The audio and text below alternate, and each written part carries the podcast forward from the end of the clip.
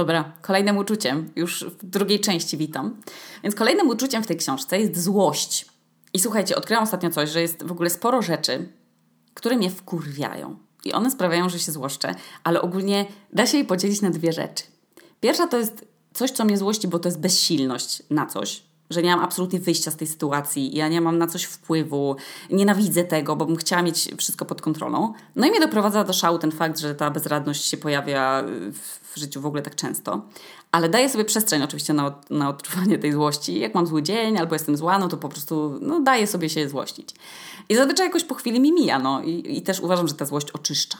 Bo uważam, że jeżeli się złość skonkretyzuje i umieści się ją w jakimś działaniu, takim jak, nie wiem, bieganie albo boksowanie na siłowni, albo podjęcie jakiejś decyzji, na przykład, która nam później zaprocentuje, na przykład we wkurwieniu absolutnym, to już bez skrupułów jesteśmy wtedy w stanie na przykład rzucić pracę.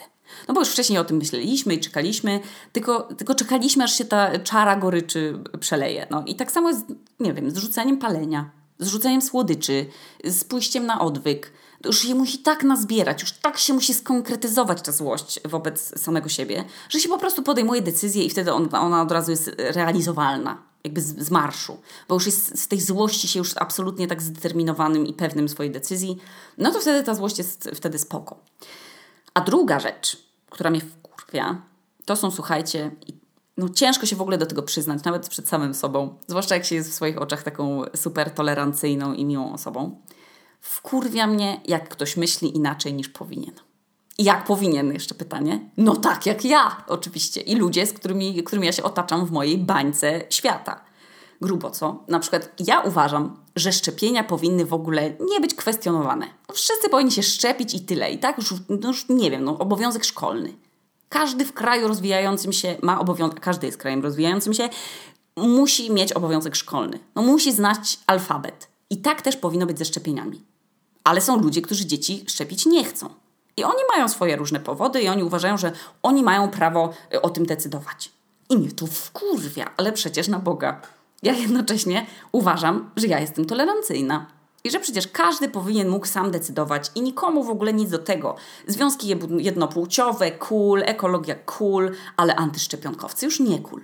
Bo nie myślą tak jak ja i w ogóle nie chcę wchodzić z nimi w żaden dialog. Albo odzież patriotyczna.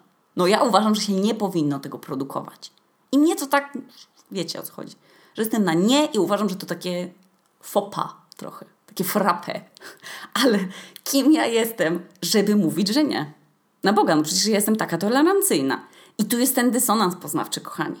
Jednocześnie jestem taka tolerancyjna i mam taką otwartą głowę, ale kibice? No nie. Od razu w głowie mam w ogóle, że kibice to są zawsze kibole i że nie.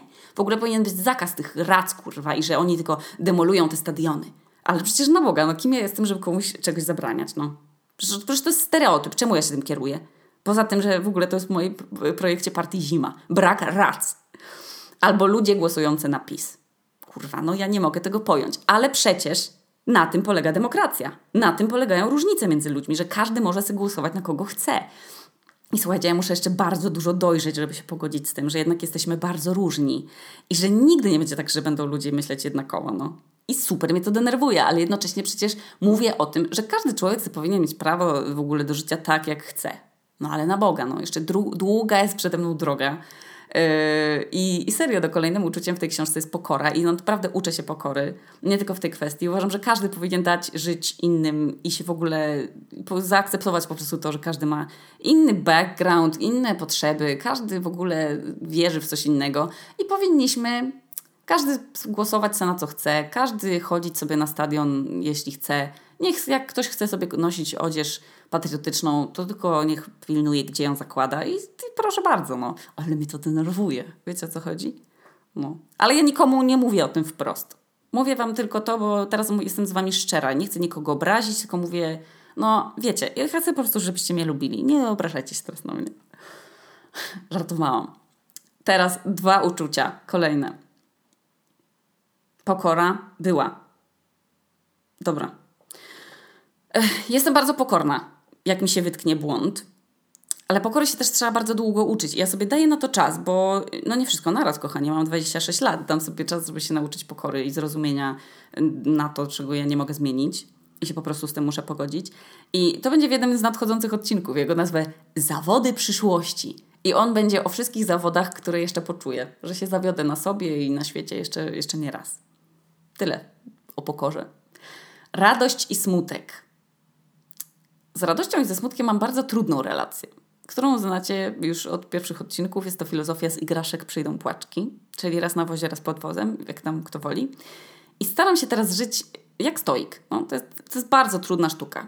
Prawie odzwyczajenie się od kupowania rzeczy albo od niejedzenia czekolady, odstawienie cukru. Jezus, jakie to są trudne rzeczy. Najtrudniejsze. Niby człowiek sobie myśli, spoko, wystarczy, że nie będę jadł cukru. Ale na Boga jest tyle śmie- Jezu, jest tyle na świecie jedzenia, takiego pysznego. Ja, mogę jeść wszystko, ale nagle nie mogę jeść słodyczy. I wtedy się okazuje, że cukier jest nawet w kosmetykach, których wy używacie. No. I że w ogóle nie da się tego cukru odstawić, bo ja już musiałam właśnie, nie wiem, wypić dziś trzecią kawę, a jest piętnasta. Musiałam wypić trzecią kawę, bo zrobiłyśmy sobie z Anetą challenge miesiąc bez słodyczy i bez białego cukru. I to jest super trudne, no. Ale mija już miesiąc ponad i, i mogłabym na, na, palcach dwóch rąk policzyć rzeczy, które zawierały cukier, a które ja zjadłam. No na przykład były urodziny Amandeusza i jadłyśmy tort. Albo byliśmy na wycieczce dookoła wyspy i zjadłam jakiegoś batonika musli słodzonego. I tak samo jest z byciem stoikiem. Żeby ani się za bardzo nie cieszyć, ani nie dopuścić do stanu, w którym się jest smutno. Po prostu trzeba się cały czas pilnować. No. Super trudna rzecz. No bo trzeba się dowiedzieć przede wszystkim o sobie masę rzeczy, no i trzeba robić ten cały mindfulness. A kto ma na to czas w ogóle w 2019 roku? I ze smutkiem jest mi łatwiej, bo smutek mam w sobie od zawsze. W sensie są tacy ludzie, którzy po prostu się z tym rodzą. I ja to akceptuję w sobie, absolutnie akceptuję. Myślę, że ze smutku wynika wrażliwość. A ta wrażliwość umożliwia mi e, dostęp do różnych innych przeżyć i, i sytuacji, z których w ogóle, ja, gdyby nie ona, no to ja bym ich nie znalazła. I ja muszę swój smutek, e, słuchajcie, kontrolować i być na niego mocno wyczulona.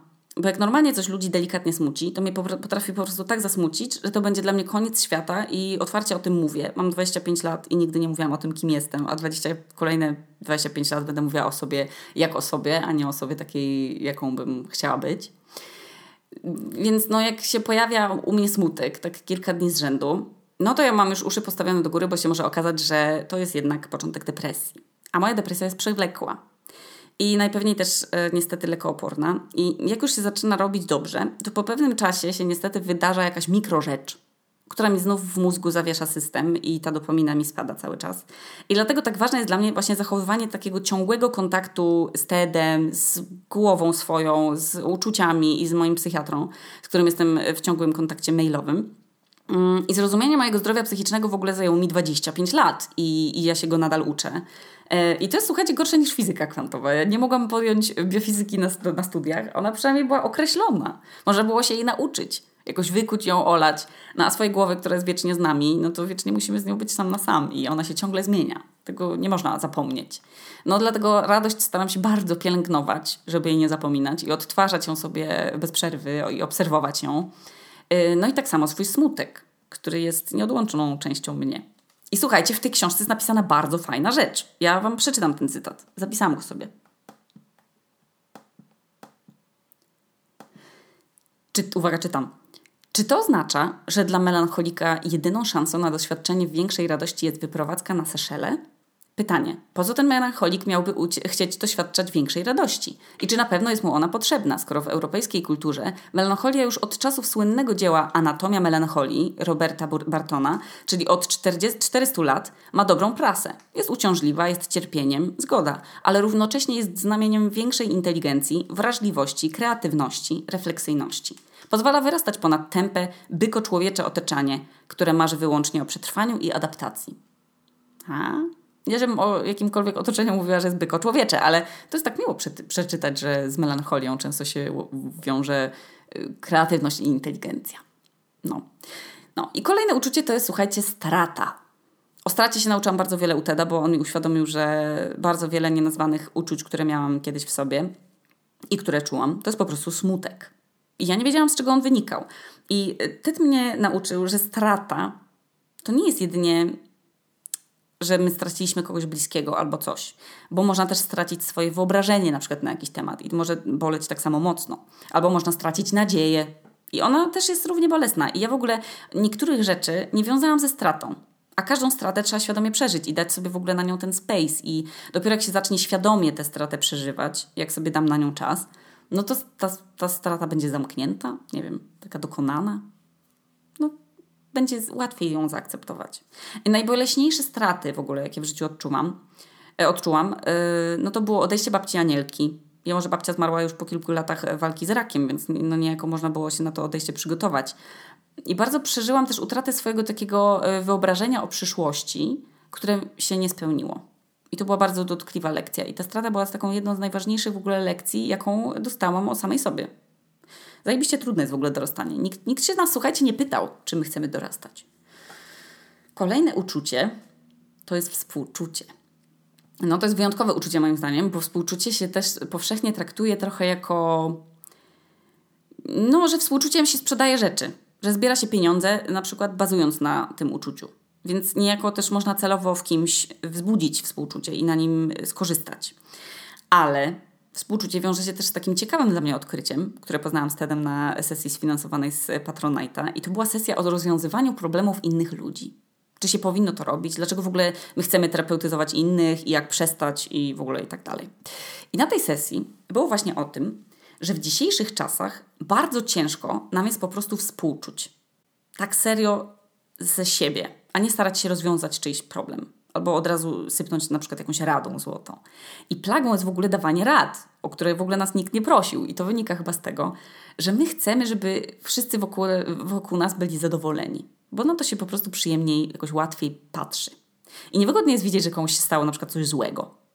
Czuje jakieś złe emocje, ktoś przeżywa jakąś stratę. I współczucie, my zamykamy w słowach, że po prostu, no ale mu współczuję. Albo właśnie mówimy tej osobie, że współczuję ci. Bo nie wiemy tak naprawdę, jak zareagować. I łatwiej jest nam po prostu powiedzieć, że się komuś współczuje czegoś. Bo jest zajebiście trudno nazwać ten miks uczuć po prostu, które się pojawiają, kiedy nam ktoś mówi, że się życie mu rozsypało. No. I rzeczą, którą mi Ted wtedy powiedział, że można powiedzieć, gdy się ktoś po prostu zmaga ze stratą, no to oczywiście pewnie to zabrzmie lepiej po angielsku i oczywiście będzie to brzmiało, że mam chujowy akcent, ale I don't care, bo jest to, co można mówić, że to jest thank you for giving it a voice. Czyli coś w stylu cieszę się, że dzielisz się ze mną tymi uczuciami albo tą sytuacją i dziękuję, że dajesz, dajesz mi możliwość bycia przy tobie. Bo, bo dziękuję, że dajesz temu głos, brzmi jakby się było psem i by się dawało głos, to jest głupie. Ale też druga rzecz, e, którą mi wtedy e, to odpowiedział, Ted, e, że gdy w ogóle wspominaliśmy pierwszą rzecz, taki pierwszy mój problem, z którym ja do niego przyszłam, to było właśnie, kiedy miałam depresję, czyli po prostu byłam w kryzysie. To Ted mi powiedział, że wtedy, to już ponad pół roku po tym, kiedy ten problem przeżyłam, zakończyłam go, to on powiedział już wtedy, patrząc na mnie, wiedział, że poradzę sobie z tym problemem. Że już wtedy wiedział, że za jakiś czas on mnie zobaczy, gdy już staje na nogi i on wtedy będzie ze mną ten sukces świętował. I to było bardzo piękne. Ta perspektywa, że ktoś mi towarzyszy podczas tych przeżyć. Teraz znowu powiem po, powiem po angielsku, znowu z tym akcentem, że to, jest, tak, to było takie I know that you will pass through it and I will be there for you to see how you've changed. Piękne. Piękne. Kolejne uczucie. Wstyd na przykład teraz się zawstydziłam, że coś powiedziałam po angielsku, ale nie wiem, czy jest w ogóle jakaś rzecz, której y, się tak bardzo, bardzo wstydzę. Trochę się pozbywam już wstydu, y, na przykład przed wystąpieniami albo przed rozmawianiem z obcymi ludźmi, tak twarzą w twarz, ale ostatnio odkryłam inny rodzaj zawstydzenia i to był wstyd z bycia sobą. To jest bardzo trudne, co? Być, bycie, wstyd z bycia sobą. A stało się to w ogóle w momencie, w którym jednego dnia się skumulowało wobec mnie y, zbyt wiele oczu i dostałam kilka wiadomości z prośbą o danie komuś autografu oraz o zrobienie sobie z kimś selfie. I takich wiadomości tego dnia było kilka. Było, kilka wiadomości prywatnych doty, dotyczących mnie yy, i też yy, wiadomości dotyczące mnie dostał też Amadeusz na swoją skrzynkę.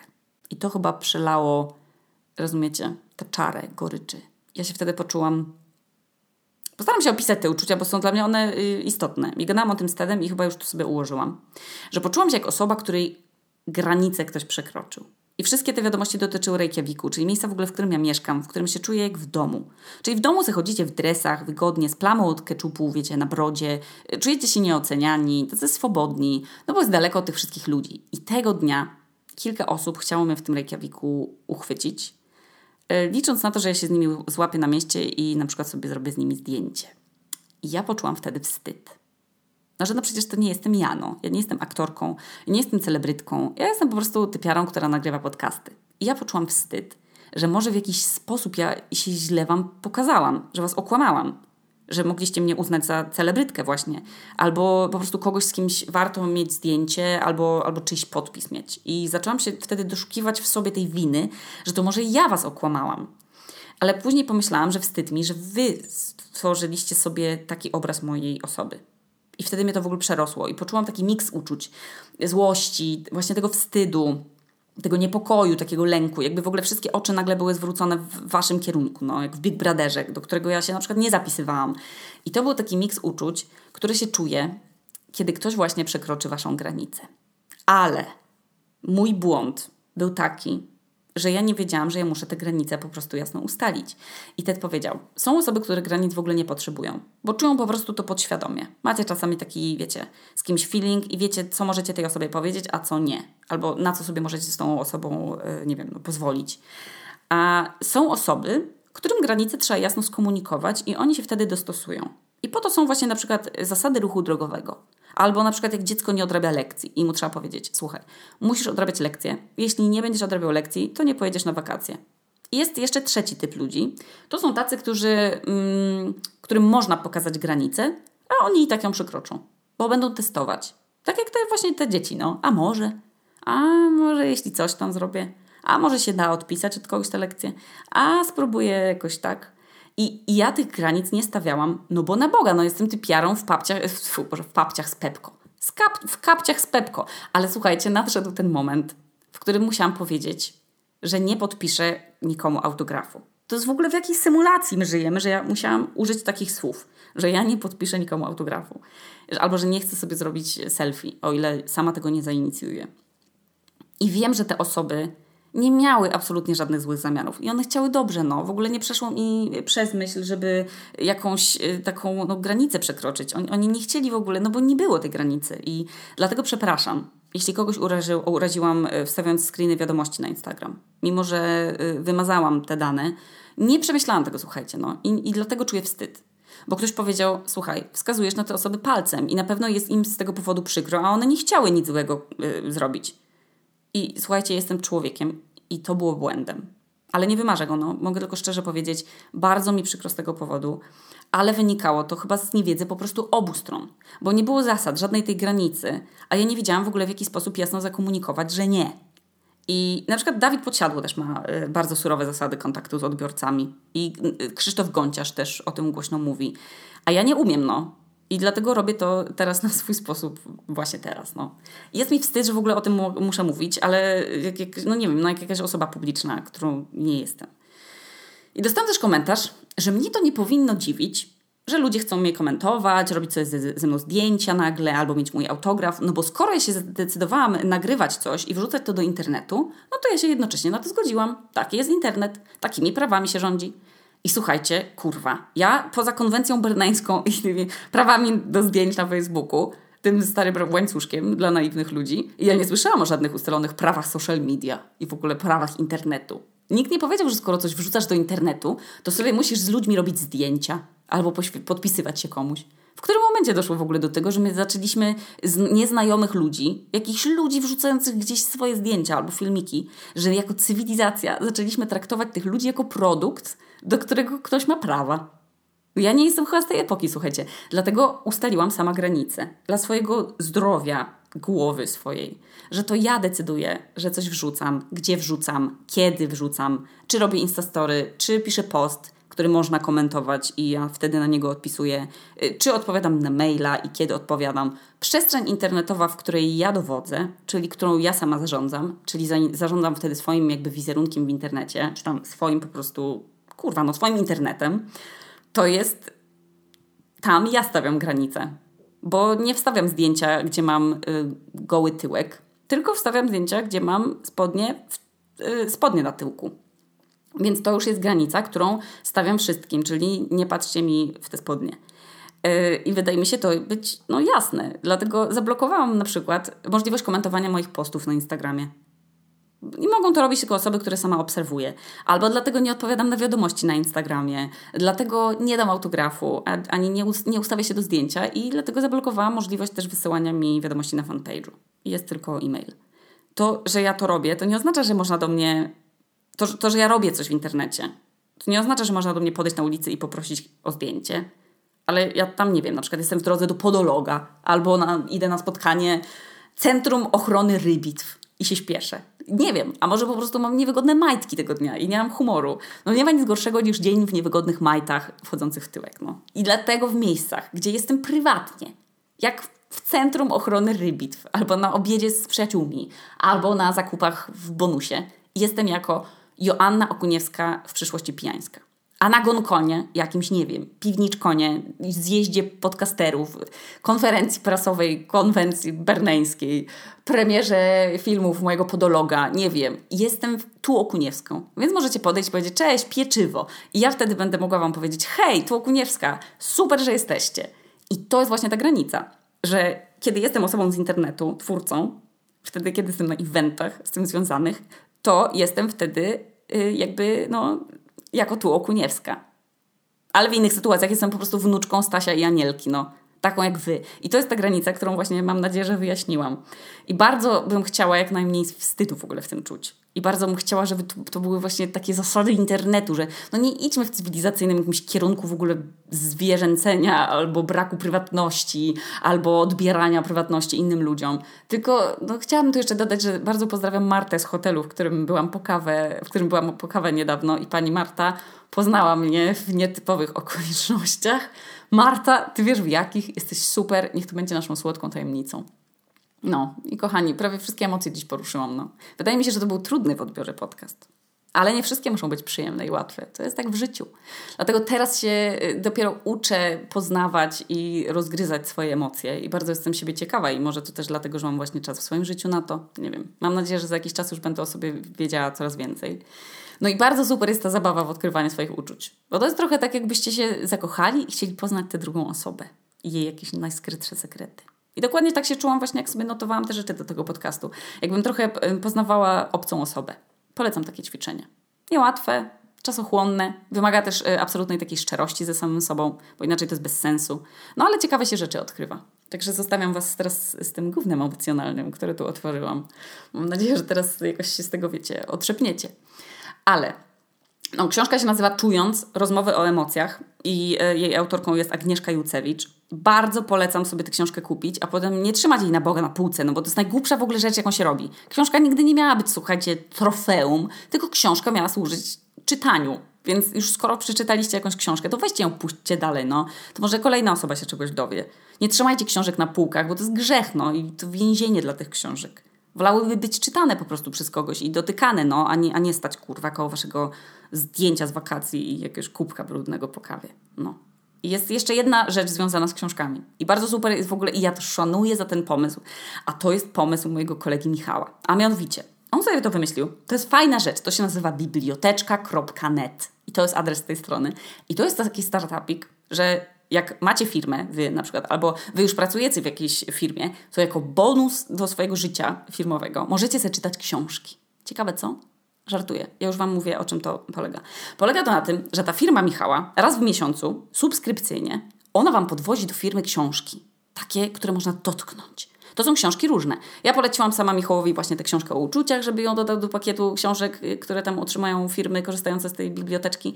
I co za w ogóle genialny jest to pomysł. Wchodzicie sobie tam na tę biblioteczka.net, zamawiacie pakiet, który tam jest dopasowany do wielkości waszej firmy, no bo logiczne, że więcej trzeba książek dla setki pracowników albo 600 pracowników, jeśli pracujecie dla jakiegoś korpo, a inny pakiet jest na przykład dla 25 pracowników. No. I Michał tworzy taki zbiór książek dla was i wam co miesiąc podwozi nowe i on się zna na książkach, więc tam są różne. Dla każdego jakaś ekstra książka. Można się nimi wymieniać, gadać sobie o nich, polecać je. Dokładnie to, co ja robię tutaj. Czytać w pracy, ale też brać je do domu. No i później mówić na przykład, czy fajna, czy nie fajna. I to jest w skali firmy zajebiście mały koszt. A ile jest w ogóle przy tym korzyści dla ludzi? To jest coś, co możecie ludziom dać, jeśli jesteście czyimś szefem bo to jest cool i to jest ukłon w stronę czasu wolnego waszych pracowników i ich intelektu też. I mówicie wtedy, a, też słuchacie Okuniewskiej? Ona mi o tym powiedziała. I macie podwójny punkcik u swoich pracowników. Albo na przykład, Jak jesteście sobie teraz pracownikiem, to mówicie szefowi, że ty słuchaj, słucham o Kuniewskiej, ona tam mówiła o biblioteczka.net i jest takie coś, że tam ustawiamy sobie subskrypcję, ona nam co miesiąc nam do firmy dostarcza, w sensie nie Okuniewska nam dostarcza, tylko ta biblioteczka.net nam dostarcza inne, jakieś co miesiąc inne fajne książki. I wasz szef mówi, kurwa, też słuchałem tego odcinka o Kuniewskiej. I już macie, słuchajcie, kolejny temat do rozmowy. A potem możecie rozmawiać na przykład o podwyżce. Dlatego polecam Wam ten biznesik Michała. Prosto, z serca. Uważam po prostu, że dobrymi książkami się trzeba dzielić. No. A biblioteczka.net, co za nazwa, to nic innego no jak właśnie dzielenie się książkami, no i puszczanie ich w obieg, no, żeby nie leżały kurwa na stosiku na podłodze ładnie, jak podpórka pod zamiał kulkasa, jak u blogerek. Zamiał kulkas to jest taki kwiat. No. I gadałam z Michałem i powiedziałam, ej, Michał, to jest super rzecz, ja o tym powiem. Daj mi to jakaś influencerka, jakiś kod rabatowy. I wiecie, co powiedział Michał?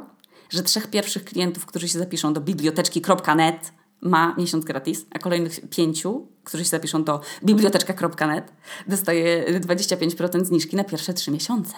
Ha! I takie rzeczy ja mam, słuchajcie, mogę reklamować. Także odsyłam Was do tej strony, wrzucam info w opis odcinka e, i proszę cisnąć swoich pracodawców o książki, no, bo to jest super i na bank robią tak w Dolinie Krzemowej, bo to brzmi jak jakieś rozwiązanie z Doliny Krzemowej. No, więc tu Okuniewska z piwniczki w Reykjaviku, a to był odcinek o uczuciach i o tym, żeby nie trzymać książek na Boga, no, tylko je puszczać w obieg. Pa!